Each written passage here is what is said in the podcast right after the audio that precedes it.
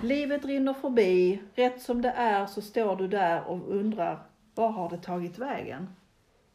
Välkomna tillbaka till Samtal på verandan. Ett nytt avsnitt idag som ska handla om stress. Här sitter jag Lotta med Kristin och Annika.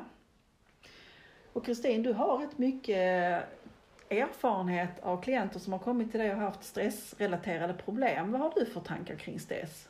Alltså jag har ju både tankar eh, beträffande mig själv en gång i världen då jag var mycket stressad. Men också som du säger mina klienter. Och jag tänker att det börjar långt innan eh, vi egentligen eh, så mycket pratar om idag. Det börjar nämligen redan i uppfostran att vi blir duktig flicka eller duktig pojke. Då vi eh, lär oss att vi alltid ska vara lydiga och hjälpsamma. Lite lillgamla kanske. Och eh, vi sköter våra läxor och vi får toppbetyg och allt vad det är. Och den, om vi nu ska hålla oss till flickor, den flickan finns ju kvar inne i oss. Även när vi växer upp och blir eh, vuxna. Och sen får egna barn där vi kan påföra stressen. Och en sån kvinna hon sköter allt och hon är jätteomtyckt på jobb till exempel. Ja, och det är ju det som i många fall sen kan leda vidare till en utmattning. Att vara den här duktiga flickan eller duktiga personen som ska vara på topp i alla lägen. Mm, mm.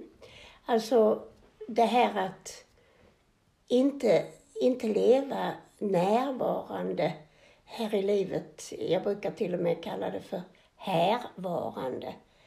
Att inte, att inte känna in och vara med. Utan livet, det lever mig. Det lever förbi mig på något vis. Och då kan jag ändå stå där och undra, vad var det som hände? Vad tog allt det där vägen? Och det värsta är att många gånger har jag klienter som inte kommer ihåg vad som har hänt. Som kan säga, oh det vet jag inte. Ja men du vet väl eh, vilket år du gifte dig? Ja, jag får tänka efter. Nej. Och då, det tycker jag kan vara ett stressuttryck. Precis.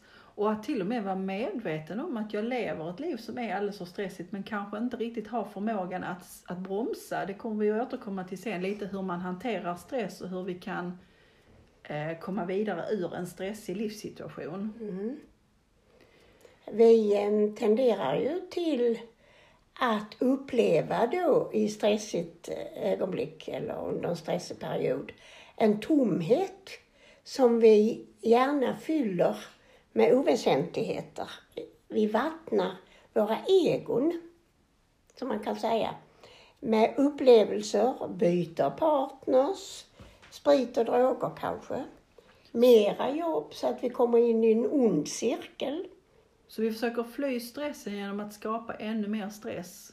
Vi lägger på en ännu mer destru destruktiv livsstil. Ja, och det sker ju inte medvetet, för det gör vi ju ändå inte medvetet.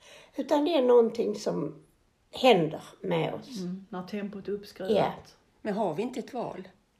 Jo, vi har alltid ett val, Ja. Annika. Självklart. För, för stress, där har vi också ett val att sätta gränser, att viktigt. markera. Att stanna upp och reflektera över, jag har den här dagen, hur ska jag göra det bästa av denna dagen? Men ofta så är vi ju kvar i det förgångna Ja. eller vill kontrollera framtiden. Och det skapar ju en stress, det vi inte kan påverka. Och jag tänker just det, vi har ett val, det är alldeles rätt. Och samtidigt, hur mycket val har jag om jag är uppfostrad till den duktiga flickan eh, som måste vara perfekt, eller i varje fall måste räcka till. Hur, hur mycket hon än har tagit på sig så måste hon räcka till. Och, och det där är lömskt, för vi kan aldrig räcka till. Sen, Det är en sanning. sen lever vi ju i ett samhälle som styrs av pengar. Klockan, tiden är viktig för oss. Och det skapar ju en stress som många har svårt att ta sig ur. Att ha ett heltidsarbete stressar en del. Att eh, hela tiden hålla en viss nivå, eh, livsnivå när man eh, konsumerar saker är också stressande. Men är inte det också att många vill hålla ett ansikte utåt? vi ska ha allting som alla andra har. Vi, vi, vi ska ha ett ansikte utåt så att vi mår bra, men egentligen så mår de ju inte alls det bra. Mm.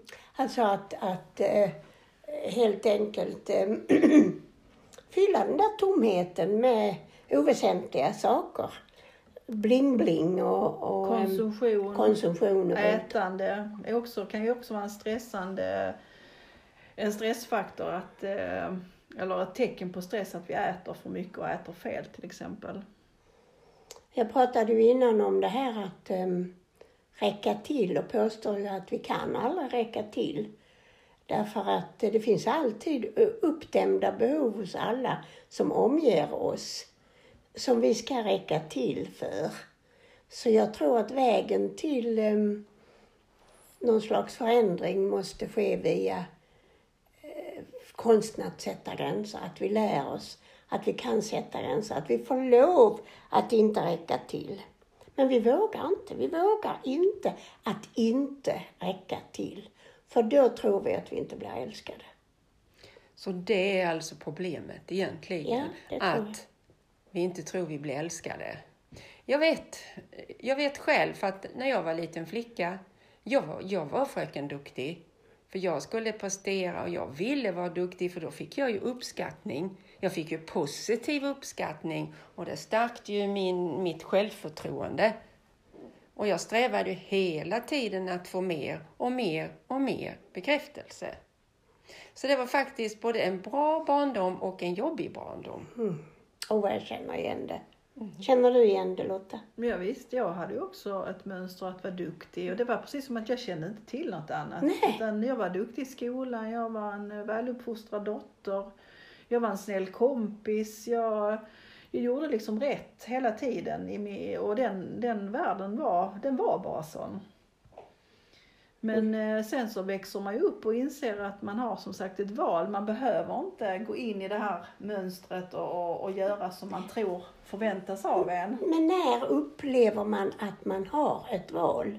Är det inte först när man har eh, rammat botten på eh, eländet, höll jag på att säga, brunnens botten, då man känner sig både utbränd kanske och sjuk på annat vis och inser och förstår att det har nog med stress att göra.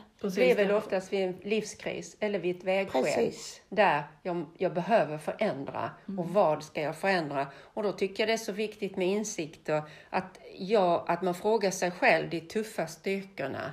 Eller frågorna om mina styrkor och svagheter och vilken roll de har spelat i mina problem. Och sen ge mig själv ett ärligt svar. Och det är inte lätt att ge sig själv ärliga svar. Nej. Men, men det är man tvungen till också för att kunna gå vidare. Det, det, det tycker inte jag man kan göra själv. Nej. Utan där tror jag verkligen att vi behöver varandra. Och vi behöver, som vi sa förra gången när vi pratade om livskriser, vi behöver kanske till och med en terapeut eller vi behöver i varje fall prata om de här sakerna för att få hjälp ut ur när det har gått för långt. Jag, jag märker ju att många kunder, eller klienter som kommer hem till mig när jag ger medial vägledning eller vad det är nu jag ska arbeta med, att det finns inom dem. De vill inte prata om det. För att de tycker att det är en svaghet att prata om det. Är det det? Tycker ni att det är en svaghet att prata om sina problem?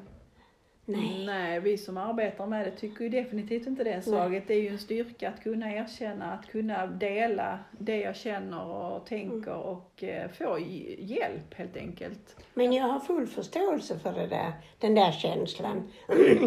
för jag en gång tyckte inte om när stressen rammade mig och någon annan eh, gjorde mig uppmärksam på det. Och någon annan där, det var ju mina barn. Det var väldigt vad du stressar mamma. Jag tar det lugnt mamma. Det tyckte jag inte alls om att höra. Så att eh, jag tror i den här stressiga kvinnan i alla fall, så eh, finns där ett behov av att framträda som stark och duglig, kapabel och att hon orkar med vad som helst. Men det gör hon inte. Nej, Men det är ju Nej. orimliga krav. Och de kraven kan ju får konsekvenser. Annika, du jobbar ju med reiki healing när du träffar dina klienter. Hur går det till? Ja, det gör jag för jag tycker ju att reiki healing är underbart att eh, använda vid stress. För att det dämpar stressen och sen fyller det på energier. Och eh, det gör ju, ja, hur, hur jag gör Ja, egentligen, vad gör jag? Jag gör ju handpåläggningar. Om det är lite lugn musik och de får ligga ner på en brits. Och sen är det precis som mina händer, de blir alldeles varma. Jag själv upplever inte att mina händer är varma, men eh, kunden gör det. Och när jag lägger mina händer på olika handpositioner, då kan jag känna hur eh, reiki-krafterna går in i kroppen. Och i celler och i muskler och där de har någon slags sjukdom. Men också hur det dämpar stressen. Jag hade bland annat, jag glömmer aldrig den här mannen, han var väl i 40-årsåldern. Och han kom och ja, jag har fått mycket reiki så det, ja, jag vill ändå ha så jag kan känna att eh, det ger lite effekt. Och han, när han skulle gå upp, han kom inte upp. För han hade fått så otroligt mycket påfyllning av energi och dels att man också hade rensat honom från negativa energier.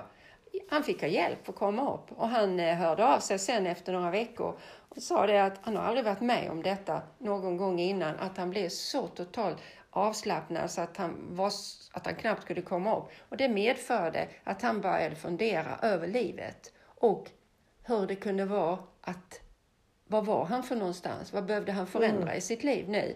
Eftersom han begrep att nu är jag alltså stressad och det är ordentligt och jag är nära en utmattning. Och det är ju precis det som jag arbetar med när jag träffar mina klienter eh, utifrån min eh, roll som KBT-terapeut. Då brukar vi ju först prata lite om livssituationen för att jag ska bilda mig en uppfattning och precis som din eh, kund här som, eller klient som upplevde att han var väldigt stressad. Och sen börjar vi då inventera och, och prata om varför är jag stressad och eh, försöker hitta verktyg för att hantera stressen på bästa sätt. För det är ju det vi behöver göra. Stressen kan vi aldrig bli av med helt och hållet i ett, i ett modernt liv och ett modernt samhälle. Vi, vi behöver ju lära oss att hantera den. Och då är ju återhämtning och avslappning en del av det. Reiki kan vara en, en del. Återhämtning på andra sätt är ju väldigt bra. Mindfulness ligger i tiden. Promenader, träning tycker vissa är väldigt avstressande.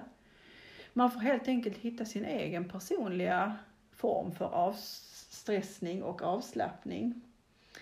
Sen kan det ju vara så också att eh, man behöver arbeta med sina negativa tankar. Man kan ha fallit in i tankemönster som inte gagnar oss utan de bara eh, bryter ner. Då kan det ha blivit automatiska tankar som återkommer och skapar oro och ångest. Och då kan vi titta mer på de här tankarna. Vad, vad står de för? Hur kan vi eh, vända tankarna och hur kan vi ifrågasätta tankarna så att eh, de inte tar över livet och eh, skapar stress. Så att eh, man kan säga att då har det kanske blivit en depression. För i depressionens, eh, eh, i depressionen så hittar vi ju många negativa tankar och förtvivlan. Precis, och det kan ju vara så när man tittar på en människas eh, eh, livsstil och, och ser hur balansen är i livet så kan det ju vara att vissa delar får för lite utrymme och vissa delar tar för stor plats och då kan det ju skapa en depression att man man kanske arbetar för mycket, man har för lite socialt umgänge, man återhämtar inte sig så att där finns ingen balans och då kan det ge en depression, en stress och en oro i kroppen. Det är som om livet lever mig. Som om eh, jag inte lever livet aktivt. Jag är inte närvarande. Jag är inte härvarande. Du är här uppe i huvudet hela Ja. tiden. Du, kan inte du tillåter inte dig själv att gå ner i känslan och och- känna dina, eh, vad är det jag vill? Vil- Vilka behov vill jag ha? Ja, och som vi pratade om förra gången, att du tappar bort dig själv. Du eh, blir vilsen, du, eh, kom, du känner inte vad du längtar efter längre, du slutar skratta, du, du njuter inte av livet. Och det, och det värsta tycker jag är, det är att man kapar intuitionen. Så att du kan inte gå ner i magkänslan och känna efter vad som är rätt och fel. Eller du kan heller inte, till exempel om jag möter Kristin här, så känner jag hennes energier. Oj, oj, är hon, mår hon så här idag? Men är jag stressad, då känner jag ju ingenting. Då är jag ju helt nollad. Och det är en tillgång att också kunna känna energier. Precis. Känsligheten är en gåva. Ja, den är en gåva Mm. när man använder den. Och den försvinner när du är stressad. Ja, det gör den. Mm. Och vad som finns ofta i det här stressiga, det är det dåliga samvetet, skuldkänslorna. Och skuldkänslorna talar ju till mig i eh, olika ordalag, bland annat du räcker inte till, som om jag skulle kunna räcka till. Det tycker jag är en eh, ekvation som verkligen inte går eh, i, upp eller går fram, eller vad heter det? Ehm, därför att vi kan aldrig räcka till. Vi kan aldrig räcka till för alla behov som finns runt om oss. Då Men det- vi vågar inte att inte räcka till. För då tror vi att då blev vi inte älskade, då blev vi utstötta. Men vad är det vi jämför oss med? Det finns ju inga normer för hur vi ska vara egentligen, utan det är någon form av eh, tankefällor vi har att vi borde vara på ett visst sätt om vi är mammor, om vi är duktiga företagare, om vi är hur en vän ska vara, hur en partner ska vara. Vi har ju satt upp bilder, men det finns ju inget rätt och fel. Vi är alla olika. Så Mm, men det, tra- det tragiska är att det hände när jag var riktigt, riktigt liten. Då jag speglade mig i mammas och pappas ögon och såg att när jag var duktig flicka, då eh, speglades kärlek. Då, då sändes det kärlek till mig. Men när jag någon gång sa nej, det vill jag inte. Då kunde jag få bannor. I varje fall drog kärleken ifrån mig. Och där anlades den här, eh, som du säger, obegripliga känslan hos oss att vi måste alltid vara till lags och vi måste alltid säga ja. Och där började ju också skyddsmuren. Att där byggde man, man började bygga den också.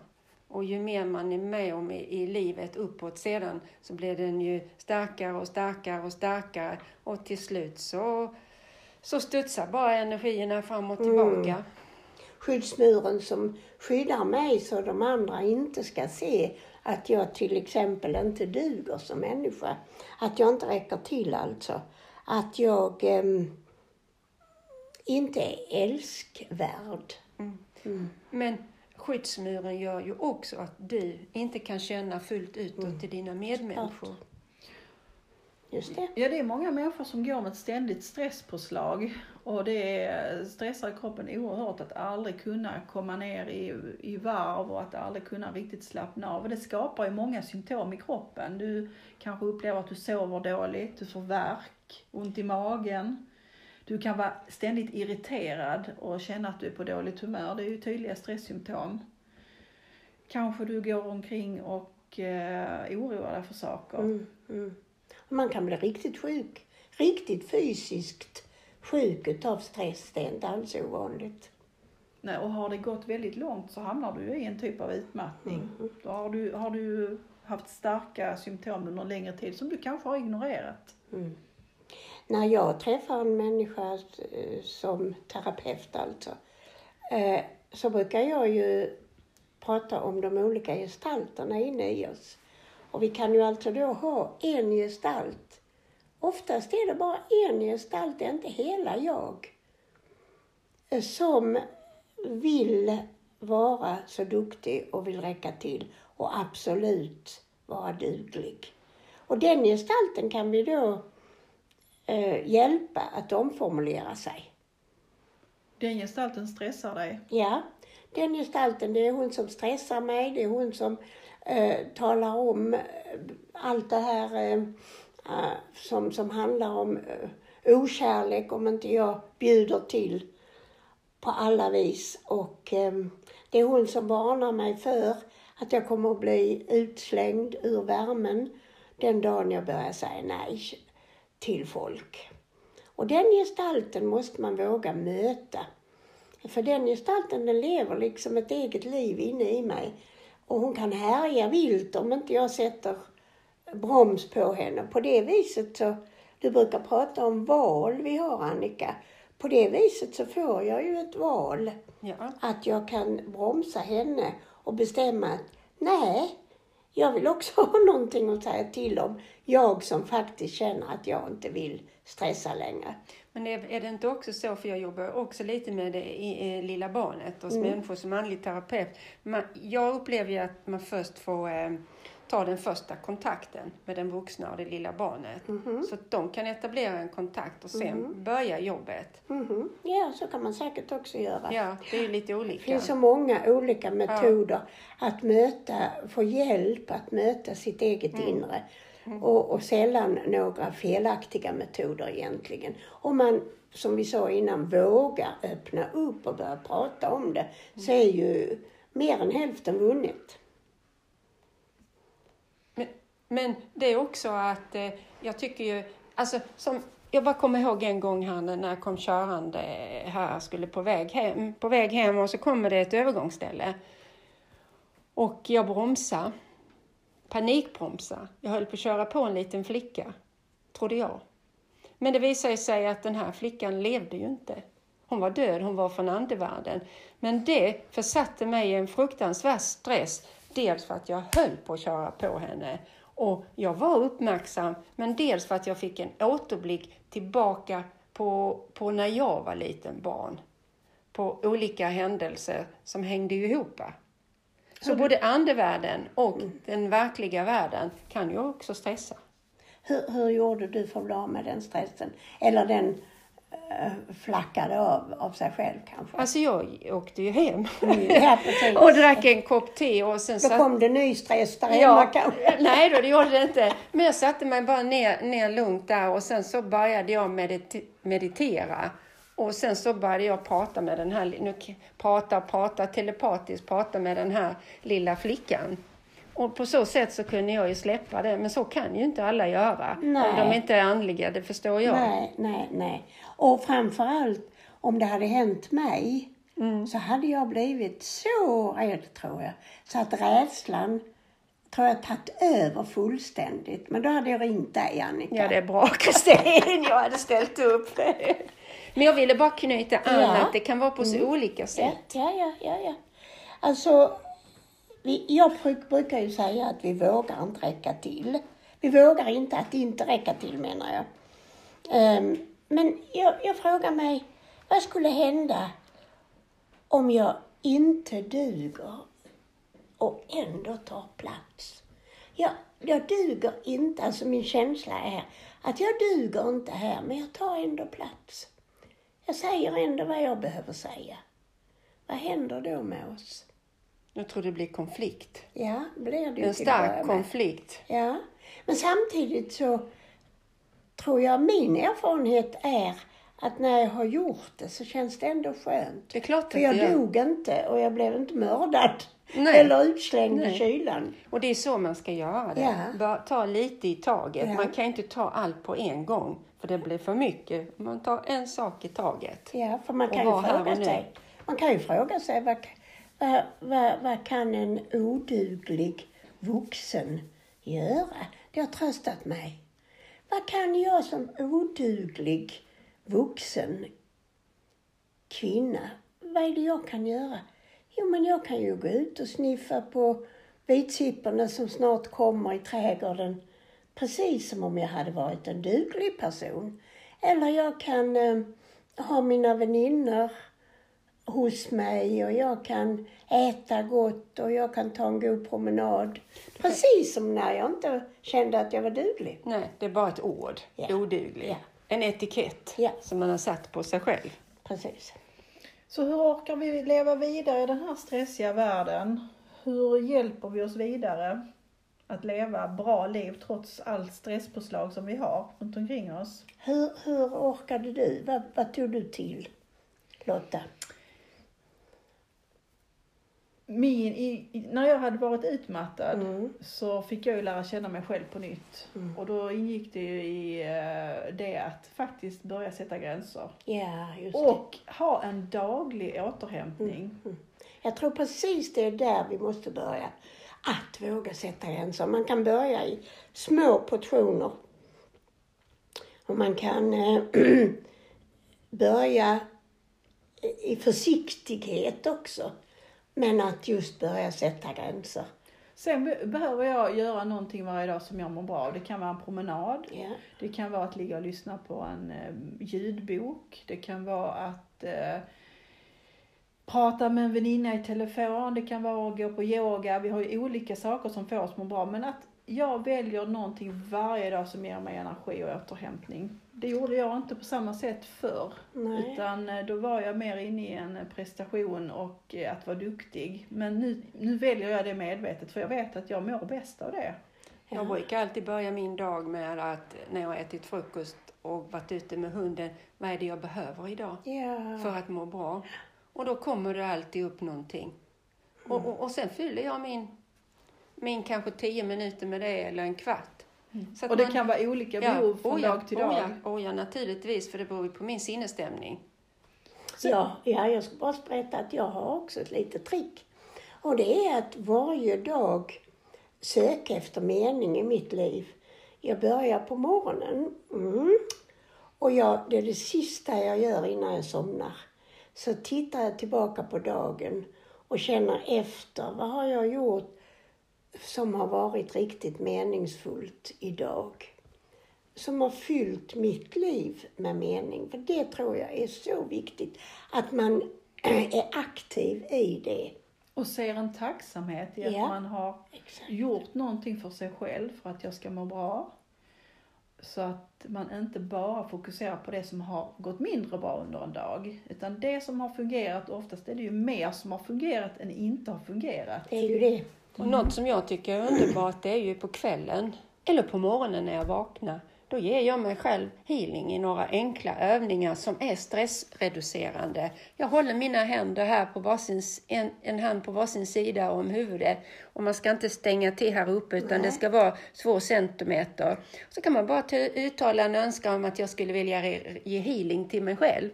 Och du håller där tills du känner att det känns bra i ditt huvud. Och sen förflyttar du din, dina händer ner till bakom nacken och ett på bakhuvudet.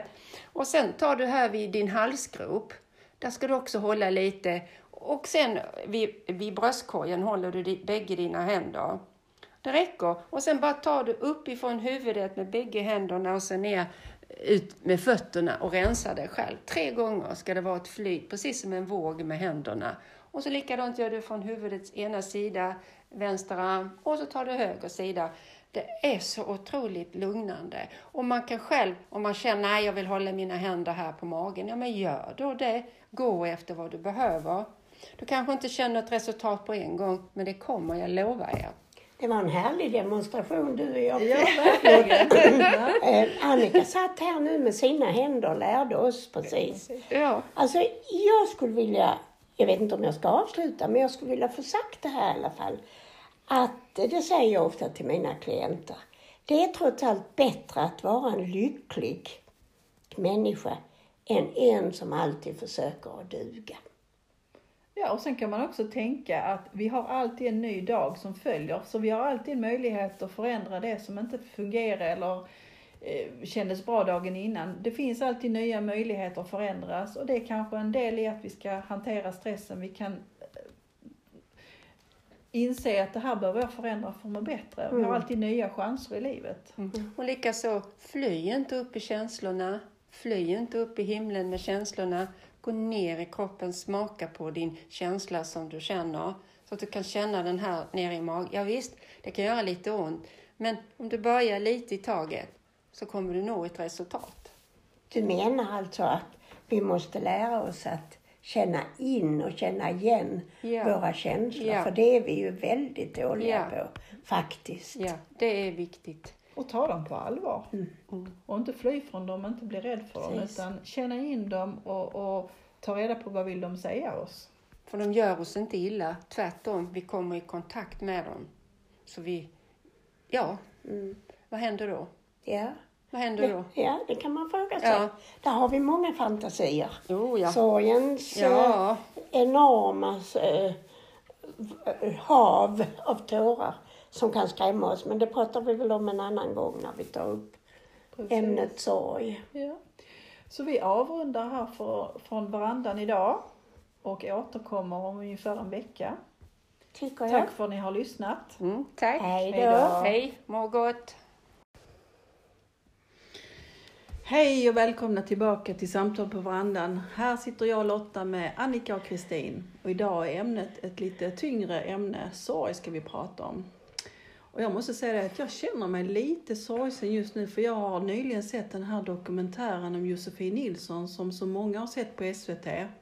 Och den berörde mig starkt. Den berörde mig också väldigt starkt. Ja, och mig också. Den handlar ju om en, en väldig sorg som hon gick igenom och det slutar ju med att hon faktiskt dog. Hon hade ett tufft eh, liv, med, ett bra liv men ett tufft liv med att hon var misshandlad och eh, Slagen slagen ja Mm. och eh, hela hennes personlighet bröts ner kan man väl säga. kan man gott säga. Mm. Och det är ju en väldig sorg. Jag kände väldigt eh, mycket med henne och, och det hon var med om. Tragiskt verkligen. Ja. Förfärligt och att eh, ingen såg, eller om man såg så fick hon ingen hjälp.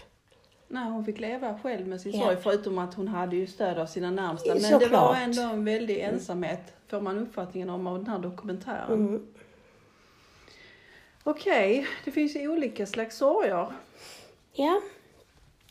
Död är ju den stora sorgen vi kanske tänker på när vi pratar om sorg. Precis, och förluster av olika slag. När människor lämnar oss eller att vi mister någonting i livet som vi har varit väldigt fästa vid. Men det kan ju också vara en olycklig barndom. Kan det vara? Det kan vara avsaknad av en älskande förälder som man inte har haft, önskat sig ha, men aldrig haft. Drömmar och förväntningar som spricker. Ja, det är sant. Vi har ju alla drömmar Mm. och visioner. Och de drömmarna kanske inte blir det vi har trott. Och då är det på något sätt någonting vi behöver sörja och acceptera. Att livet inte blev som vi trodde. Och inte bli bittra. Ja, det är viktigt. Att inte bli bitter, för i bitterheten ligger ju hatet, hämnden. Och den genomsyrar i hela kroppen, hela sinnet. Och sen tänker jag på sjukdomar. Ja, Det finns ju människor som eh, lider av svåra sjukdomar som ger en väldig sorg innan man, som du säger, har accepterat kanske. Kan gå vidare. Precis, och det finns ju rätt många eh, myter om sorg. Hur vi ska ta oss igenom sorgen. Eh, till exempel att man ska eh, vara stark och att man kan eh, sörja ensam och att tiden läker alla sår. Eller allt som inte dödar, det härdar. Precis. Och att du ska ersätta det du har mist med någonting nytt så blir du glad igen eller piggnar till. Det tycker jag är det allra värsta. Det har jag hört ibland. Att någon har sagt om ett eh, förlorat barn. Men det är inte så farligt. Du är unge nu. Du kan få ett nytt barn. Du kan bli gravid på nytt. det är inte samma barn. Nej, men det är förfärligt, Det är att säga förfärligt så. när de säger så. Och det är samma sak med till och med husdjur. Ja, Vi kan inte ersätta en älskad hund eller katt med en ny katt eller hund. Du behöver läka och gå igenom den sorgen som gäller just det djuret för att kunna gå vidare. Eller så vill man döva sorgen, ta en tablett. Tänk på något annat, håll dig sysselsatt, jobba lite mer, träna. ta lite antidepressivum. Ja, Så det går är det över. absolut inte bra när det gäller sorg. Då dövar man ju sorgen. Man låser in den. Mm. Och sorgen behöver ju komma till uttryck. Mm. Och det bästa uttrycket för sorgen, det är ju tårarna. Visste ni det att i sorgetårar finns det mer stresshormon? Det är rätt intressant. Då menar du stresshormoner som kommer Ut. ut genom sorgetårar? Just det. Ja, Det är så förlösande att gråta. Ja. Och, och det har vi ju i vårt samhälle gjort till någonting fult eller fel. Ja. Som ska döljas, som ska snabbt torkas bort. Och det är ju bara en helt naturlig reaktion på sorg. Förr i världen så hade man ju någonting som kallas för gråterskor. När någon har dött så kom det byns kvinnor stämmer. och eh, satte sig runt liket Då hade man ju också um, lik, alltså lider parad, vad heter det på svenska? Ja. Och då um, grät, hjälpte de änkan eller änkemannen att gråta ut sin sorg. Så om vi inte tar hand om vår sorg på, på rätt sätt och låter oss vara ledsna och sörja, då kan det ju bli fastfrusen i oss. Den kan ju stanna kvar och orsaka mycket problem i våra kroppar och våra själar. Det kan den göra. För, att, för mig är det som att de kapslar in sorgen. Och när sorgen ska komma ut, då blir det ju precis som en... När läkningen är inne, då blir det ju precis som det blir en finne. Och den är ju röd innan och gör lite ont. Och sen blir det var och så trycker du ut varet, då gör det också ont. Och det efterlämnar ett ärr efter sig. Mm. Jag, Mm. Jag tänkte bara att om det är en tydlig sorg, som död och förlust, då, då vet man ju vad sorgen handlar om. Men ibland är den ju otydlig. Precis, du nämnde ju det med det här att ha varit oälskad som barn till exempel. Det måste ju vara en väldigt mycket mer svårdefinierad sorg. Och det är det jag tänker att det är viktigt att definiera sorgen i ett sånt läge. Sätta namn på den. Vad, vad är det jag går i sorgsen över egentligen? Och det kan vara nog så svårt. Och det kan ta många år innan eh, personen förstår varför går jag omkring och känner mig nedstämd? Varför känner jag inte mig älskad? Varför känner jag inte mig harmonisk? Och då kan man stanna i offermentaliteten, eller i offret. Då är det synd om mig och så blir jag ett offer. Och sen kanske till och med jag blir bitter. Och sen är jag fast i en oförlöst sorg. En del pratar ju om sorgebearbetning, men jag vet Kristin, det är ett begrepp du inte gillar. Nej, det gör jag inte därför att jag anser inte att man ska bearbeta sin sorg. Det är inget arbete. En sorg ska genomlevas, genomlidas. Och det tar precis så lång tid som det tar. Där är vi alla individer. ja, vi är alla unika Ja. i vårt sätt att sörja. sörja. Precis. Och alla har vi ju drabbats av någon typ av sorg genom livet och, och kommer att göra det framöver för att ingen går ju fri från sorger. Och sorgen är ju en typ av eh, känsla som kan variera hos olika människor. Mönstret, sorgmönstret ser ju inte likadant ut för alla. Vi sörjer på olika sätt. Nej, det är en process som måste genomlevas. Och den genomlevs då olika, ja. Från person till person. Och väl är väl det att det inte finns ett mönster även på sorgen. Så att eh, sorgen ska upplevas som ett slags krav. Hur kan man då eh, märka att en person är i sorg? Vad har vi för tecken på sorg? Ja, vi har ju först och främst tårarna. Men sen har vi också eh, koncentrationssvårigheter, sömnlöshet, aptitlöshet Trötthet, brist på energi, och ilska, irritation. Och de här känsloyttringarna som är väldigt växlar mellan olika lägen. Att vilja vara ensam, vara Ja. inne i sin bubbla, Ja. inte vill bli störd, låt mig vara i fred. och ibland förväxlas ju sorg med depression. Ja. För det är liknande tecken. Många missbrukar det där ordet sorg eller depression och kallar det för nu är jag så deppig, jag är deprimerad.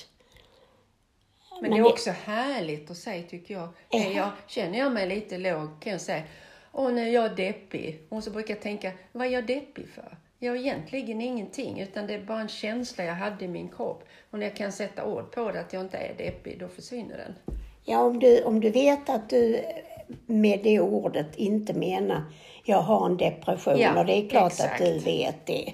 Så är det väl helt okej Ja. att säga deppig. Annars så finns det ett bra ord för deppig som jag brukar kalla ledsen. Jag Det är så ledsen idag. Eller jag är så nere idag. Då blir man mer tydlig kanske. Precis. Så hur kan sorgens olika faser se ut då? Vi har ju olika faser i den här processen. Mm. Jo, det kan ju vara att man, om man drabbas av någonting svårt så kan det ju börja med att man förnekar det som har hänt. Ja. Man vill inte inse att jag har blivit lämnad eller blivit uppsagd från jobbet eller att mitt barn till och med kanske har dött. Ja, alltså chockfasen Chocken, kommer ja. ju först. Precis. Då man går ner eller går in i en total förvirring och det känns som eh, jag kan inte komma ut ur denna, detta förvirrande tillstånd. Chocken med alla symptom på chock. Jag, hade, jag hade en kusin, hon lever inte nu, hon hade ett barn som omkom i en, i en olycka utanför hemmet. Så hon dog ju i hennes armar.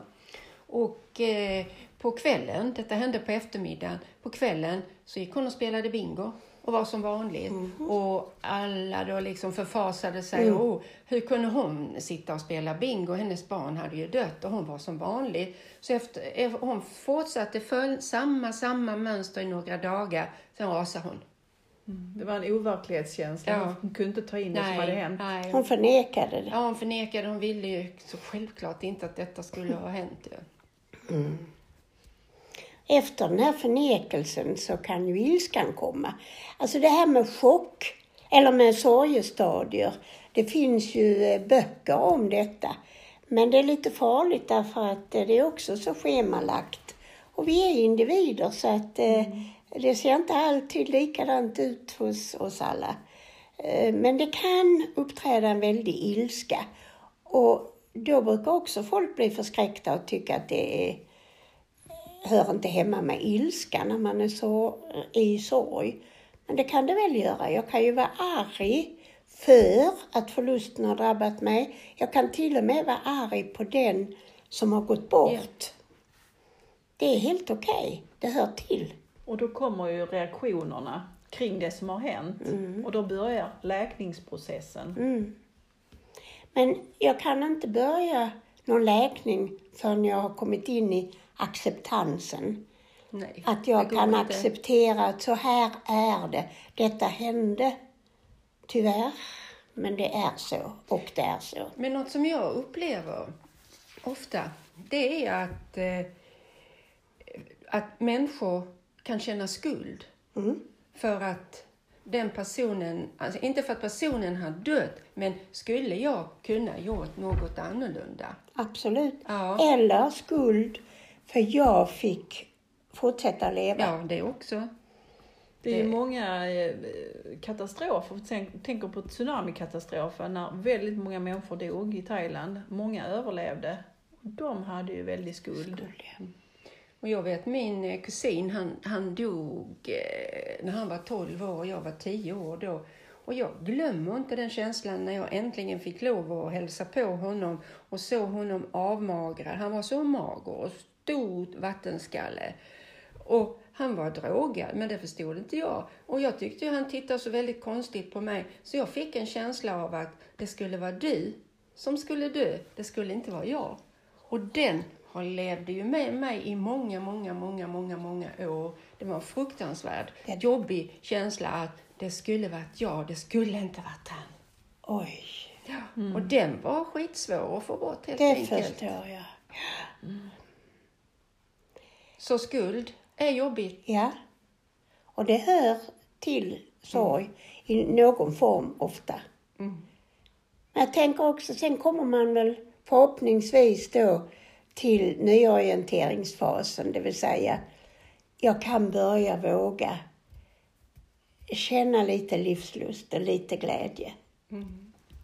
Men det finns ju faktiskt människor i sorg som inte klarar, då klart då är de ju inte vid acceptansen heller, att klara att ge bort deras kläder eller Nej. förändra någonting i hemmet, inte ens flytta älsklingsfåtöljen, ingenting. Allt ska vara som vanligt. Begravda i sin sorg, så att säga. ja, och att då upplever de kanske också att jag är trygg i min sorg. Absolut. Där finns ju en vinst att hämta Ja, i att vara kvar i sorgen, som jag ser det. Vinsten av att slippa ta ansvar och gå vidare. Och vinsten kanske av att så länge jag är i sorg så slipper jag en massa annat. Och jag slipper kanske mm, att både vara social och trevlig. Och jag mm, kan fortsätta att odla min sorg i lugn och ro. Det är farligt. Du hade någon trevlig zen-buddhistisk litet språk kring det, Lotta. Eh, du tänker på här... Fåglarna. Ja, eh, ordspråket. Nu kan jag inte det ordagrant. Men du kan inte hindra sorgens fåglar från att flyga över ditt huvud. Men du kan hindra dem från att bygga bo i ditt hår. Sorgen kommer till oss och den kan vi inte göra någonting åt. Den, den ingår som en del i livet. Men du kan ju medvetet eh, se till att den inte stannar och fastnar i dig. Genom den här läkningen och det här som du behöver ta dig igenom. För mig är det ju så här, när vi föds, mm, då klipper vi navelsträngen. Och så fortsätter vi ju i livet och då har vi en silversträng som är förbunden med universum. Det är vackert. Ja, och eh, allt eftersom livet går för oss, då blir den ju tunnare och tunnare och tunnare. Och i själva dödsögonblicket, då brister den. Och då upphör vår kontakt med jorden. Precis som när vi föddes, då upphörde vår kontakt med universum, för vi var ju sammanlänkade ända tills vi föddes och den klipptes av. Och jag tycker det är väldigt vackert. Ja, det är Och det. jag tycker det är väldigt vackert när jag som medium kan se hur personerna går över och, och vilken hjälp de får. Så att i själva dödsögonblicket gör det ju aldrig ont för den som dör, utan de kanske är oroliga innan och, och några är ju väldigt lugna i döden, inför döden. Så det är väldigt olika. Men jag tycker det är väldigt vackert. Vi är väldigt rädda för att prata om sorg och död i vårt land.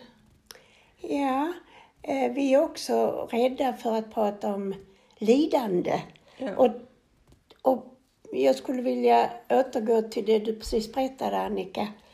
Att någonstans så har vi ju parallellt med livsglädjen och livet vi är inne i så vet vi ju att vi kommer att dö. Ja, vi försöker förtränga det, ja. Men vi vet någonstans att vi kommer att dö. Vi vet inte när och inte hur. Och eh, Buddha pratade ju mycket om lidandet. Och detta lidande att samtidigt som jag lever och ska vara livsglad så gott det går, så ska jag vara vän med lidandet. Mm, exakt så är det. Och det känns ju lite som att, vi har ju pratat om livskriser och stress tidigare, att när man väl har gjort den här läkningsprocessen och accepterat vissa saker och kommer vidare så är det ju precis som att en ny livskraft och livsglädje kommer fram. Så att de här sorgerna, det är ju inte det att, att det stannar upp livet, att livet tar slut, utan livet får ju bara en annan dimension och en annan riktning kan jag känna. Ja, man går ur sorgen med fördjupad syn på livet helt enkelt. Ja, så- Oftast, Ja, får vi hoppas. Ja, det brukar ju bli att man rensar kanske bland vänner. Ja. För man har gått ett steg vidare än vad de har gjort. Men jag tror inte vi ska inbilla oss att alla sorger eller ens någon sorg helt kan genomlevas och försvinna. Jonas Gardell sa någonstans i någon bok jag har läst att eftersom sorgen är som tidvattnet så finns det stunder den kommer upp till ytan och sköljer över en med en förvånansfull styrka. Precis. Det kan ju vara en, en, en sång, en, eh, ett minne, en doft som bara plötsligt väcker sorgen. Aktualiserar sorgen, ja. Men något som jag har märkt är att det, det, det blir ju också att det blir ju inte lika jobbiga känslor efter fem år, efter Nej, nej. tio år. Och Är det det man menar med att tiden läker alla sår? Ingen aning, men eh, jag tycker ju aldrig att man ska säga att tiden läker alla Nej, sår. jag det är en det hemsk myt. Det är en sån myt så. Utan Men du lär dig, och kan man säga att du lär dig att leva med sorg? Ja. Du lär dig acceptera Ja. förlusten eller det du har förlorat och du klarar av att tänka på, du klarar av att bli påmind om den utan att känna att du inte skulle överleva. ja, jag har ju accepterat att Mm. den som stod mig nära har gått bort. Mm. Jag har genomlidit alla de här kvalen, alla de här tre stegen. Och Kommit ur det. kommit ur det. För är jag kvar i det, oh, då, räck, då, då är ju sorgen fortfarande lika aktuell för mig ju. Och oförlöst sorg Eh, Det handlar ju ofta om att någonting är, inte är uttalat, vi har inte kommunicerat, vi har inte uttryckt sorgen på bästa sätt så att den finns liksom kvar i oss. Någon som är i sorg har ju ofta behov av att få prata, få lov att liksom dela sorgen. Och det är ju det som är ett problem ibland, att omgivningen inte klarar av det. Eh, möjligtvis så kanske man ger en massa råd och man vill att sorgen ska gå över snabbt. Men det är ju inte det den sörjande behöver. Nej, den behöver bara, en sörjande behöver bara att jag lyssnar, att jag finns till och att jag ehm, inte moraliserar, inte tycker så mycket, utan låter henne, honom, få lov att sörja på sitt individuella sätt. Precis. Inga krav. Nej, och det kan ju vara väldigt, motstridiga känslor som kommer i den här sorgreaktionen. Men är det inte så idag också att många människor har det så stressigt så att de orkar inte ta till sig den personens sorg när den pratar. Det blir för mycket för den. De orkar alltså inte lyssna, de orkar inte vara en medmänniska som de skulle ha velat vara. Det är säkert stress också, Ja. men det är framförallt, tror jag, rädsla. För när jag möter någon människa i sorg, då möter jag ju min egen sorg eller rädsla för till exempel döden. Och vi vill gärna lindra, vi vill gärna ta bort det som är obehagligt. Men det hjälper ju inte att ta bort det, för det, Det går inte. Det går inte och det behöver liksom få ha sin gång.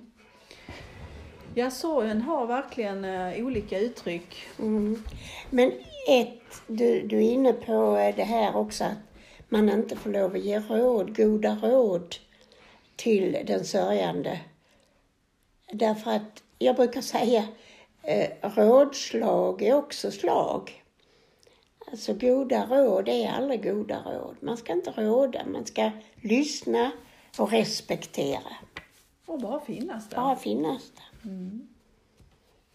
Har du upplevt några sorger, Kristin, som du vill dela? Ja, det har jag. Jag tänkte på det idag faktiskt, speciellt inför det här vi, vi sitter och pratar om, om sorgen. Ehm, min största sorg är säkert att eh, när jag var barn så kände jag inte att jag fick den där goda eh, kärleken som jag behövde. Det vill säga, jag kände inte att jag var duglig, jag kände inte att jag var okej. Och det är faktiskt en skuggbild som jag har med mig upp, upp än idag. Hur har det påverkat dig i ditt liv då? Ja, det har ju påverkat mig så tillvida att jag har fått kämpa för och, och försöka lära mig att istället älska mig själv och bli min egen goda förälder. Att, eh, och, och att försöka låta bli att köpa kärlek, det vill säga eh, jobba för att få lite kärlek eller uppföra mig på ett visst sätt för att få kärlek. Har det funnits en ilska i det också? Ja, mycket ilska och trots förstås. Känner du igen det? Mm, Ja, alltså min sorg som jag, det, man har ju flera sorger men eh, jag kan ju känna en sorg över att min pappa dog alldeles för tidigt och att jag inte fick chans att lära känna honom på riktigt. Det, det är en stor sorg som jag bär med mig och det, jag kan ju säga i och för sig att det, det började jag redan som liten. Han var rätt så svår och eh, inåtvänd, introvert som man säger idag och det är en sorg hos mig att jag inte nådde honom på något vis. Han eh, delade inte med sig av, av hur, vad han tänkte och vad han tyckte och vad han kände. Eh, sådär personligt. Han, han var journalist så han skrev i tidningen och, och fick uttrycka sig på det viset. Men i det liksom familjära så var där inte den, eh, det uttrycket, den kommunikationen och det kan jag sörja.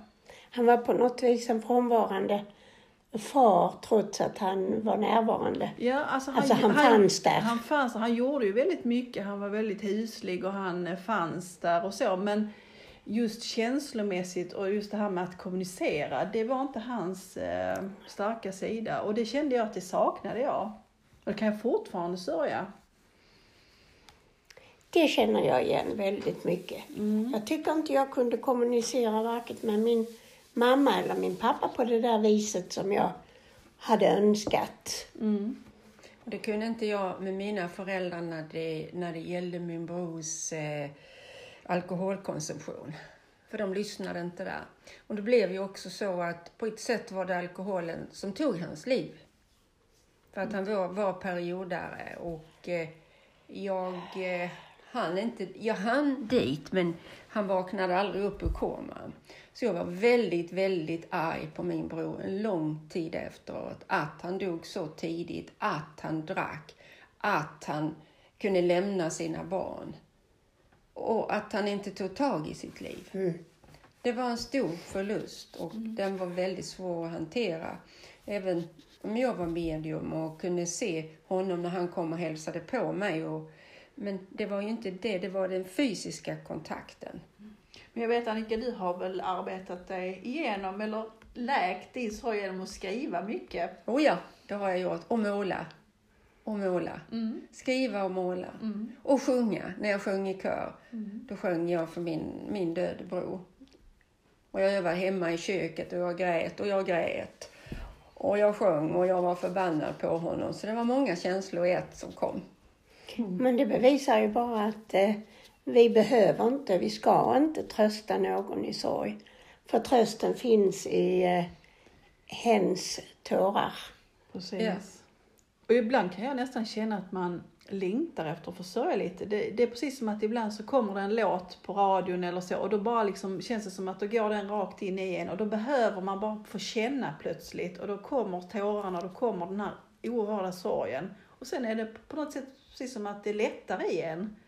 Så att eh, livet ser till att man får de här eh, olika stunderna av sorgebearbetning, sorge... Ja, ja.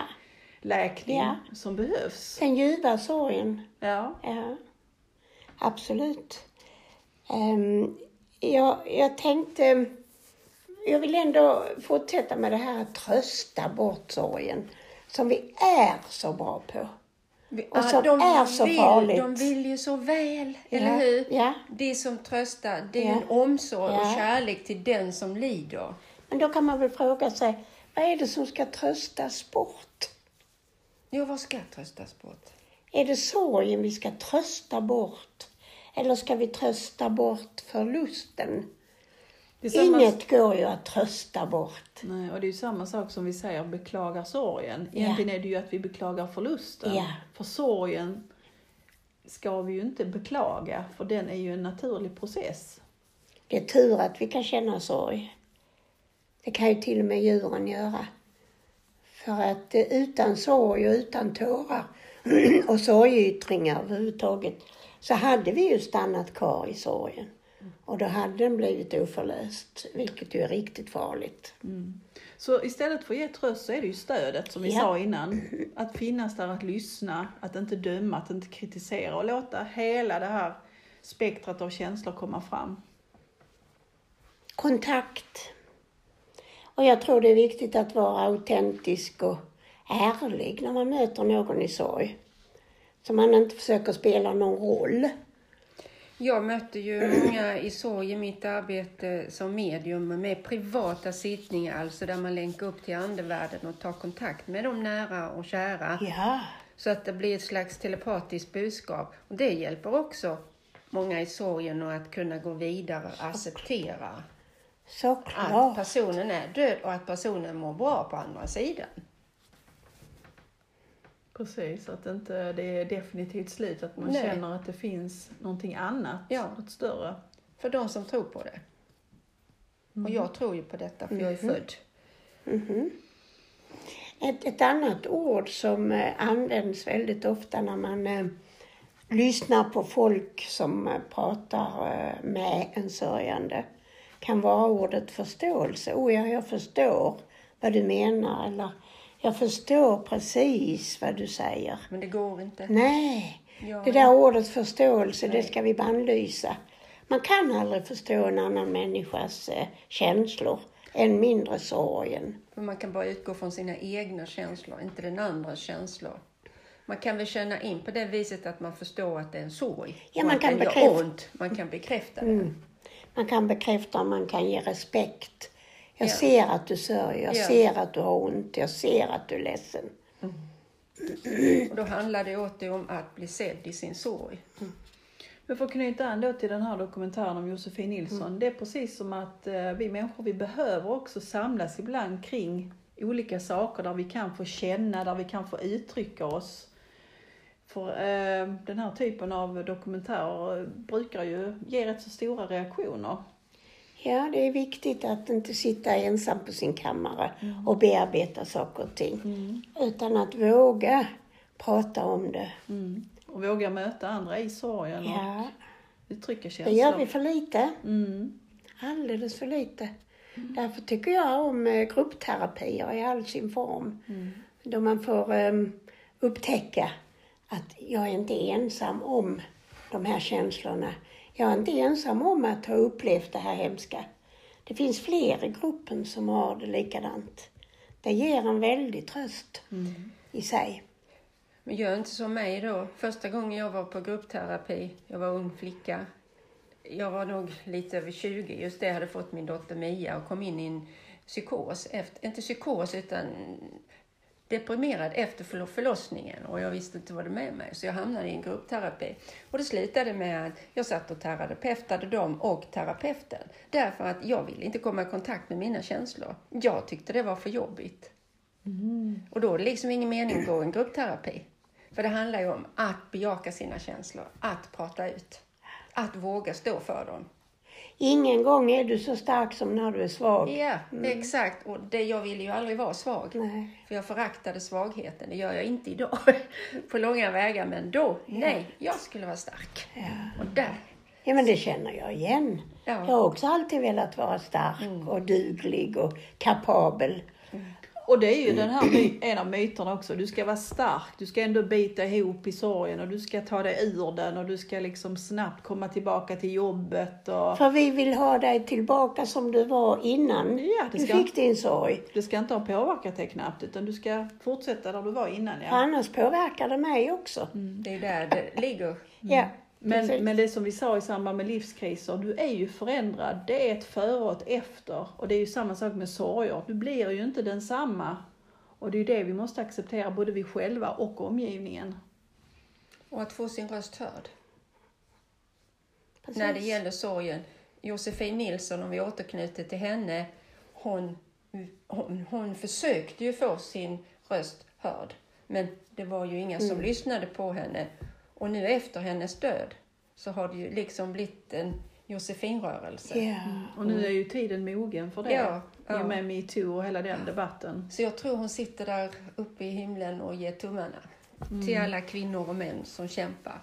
Fint. Ja, Jag brukar tänka så här att min lyhördhet ska vara lika stor som den andres längtan. Mm, det var fint. Ja, jag läste det säkert någonstans. Eller så har jag faktiskt kommit på det själv, jag vet inte. Men ehm, det talar för att, hur viktigt det är att jag är lyhörd. Att jag står ut, att jag håller ut och har tålamod när jag lyssnar på någon i sorg. För det kan ju vara en, lång process. Och det här, som vi säger, ältandet, det kan Just det. behövas för att Just komma det. vidare. Om och om om igen. Så att, Men sen är det ju då att det man gäller att man inte fastnar i det. Utan Ja. att när, när, när det har gjort sin, Mm. eh, den delen är gjord, då ska man gå vidare Mm. in i en, en, en ska och ska. acceptans. Kan man inte får man ta hjälp. Ja, Precis. Ja, för det finns ju egentligen ingen regel naturligtvis, och det vet jag du inte heller menar Lotta. Det finns ingen regel för hur sorg, sorgen och, och dess olika faser ser ut. Jag kommer ur den så småningom, det är väl därför man säger tiden läker alla sår. Men det är inte tiden som läker. Utan det är... Det du gör under ja, tiden. precis. Hur jag processar det så att säga. Så det är ju inte så att eh, på ett år eller på två eller på tre år så händer det ingenting med sorgen om du inte aktivt gör någonting för att komma igenom den. Nej, och, och försöka göra mig medveten om eh, på något vis vad jag är inne i för någon känsla just nu. Att ta den här känslan av ledsamhet, sorg och förtvivlan på allvar. Bejaka den. Låta den få utrymme. ja, men det är också så, många kan ju tro att de får ångest av sorg. kan uppleva att de är i en ångest. Absolut. Eller en depression. Ja. Och då vill ju vissa inte få kontakt med ångesten, för i ångesten ligger ju förfärligt många känslor. Mycket rädsla. Ångest är ju Ja. en enda stor rädsla. Ja, visst är det det. Det är Ja. ju en rädsla som kan ta över hela kropp, själ och sinne. Men eh, vi behöver kanske ändra vår syn på sorgen Ja. då, för att inte vara så rädda för den. Just det. Vi behöver inse att den drabbar oss alla på olika sätt. Oh, ja. Och, ja, Både en och flera gånger under livets gång. tar olika lång tid. Men att jag har ett visst ansvar i den här sorgeprocessen. Och det är att jag, eh, till exempel som vi sa innan, jag vågar eh, närma mig någon annan människa. Jag vågar prata, prata, prata. Du sa älta, det är precis vad man gör när man är inne i sin sorgeprocess. Ältar, man pratar, man pratar nästan ihjäl sina väninnor eller vänner. Och ehm, Och där kan också ske ett uppvaknande att man inser att nej, nu behöver jag gå vidare. det. Att nu behöver jag ta nästa Ja, steg. För, ja. för du känner att du är färdig med den Ja. fasen. Och det, det är egentligen en väldigt bra fråga man skulle som lyssnare kunna ställa till en eh, sörjande som man tycker har fastnat. Vad behöver du just nu för att gå vidare? Hur kan jag hjälpa dig för att ta dig vidare? Om, om tiden är inne, om jag tycker liksom att nu är det dags att röra på det här lite grann. Mm. Då kan man ställa hur och vad frågor Mm. så kanske man ger eh, den sörjande en liten puff i, i ryggen, ett halvt steg framåt i alla fall. Ja, det här med sorg, det rör oss alla och det är ett viktigt ämne. Jag skulle vilja avsluta med att säga att alla avgörande resurser för att klara sig igenom sorg och kris, den finns hos den drabbade själv. Så att vi inte tror att vi måste förlösa, att vi måste hjälpa, eh, hjälpa aktivt så att säga. För vi kan inte, vi kan inte hjälpa någon ur sorgen. Mer än att vi kan lita på att det bär, att hon, han vet själv, själva hur, hur det ska gå till. Egentligen.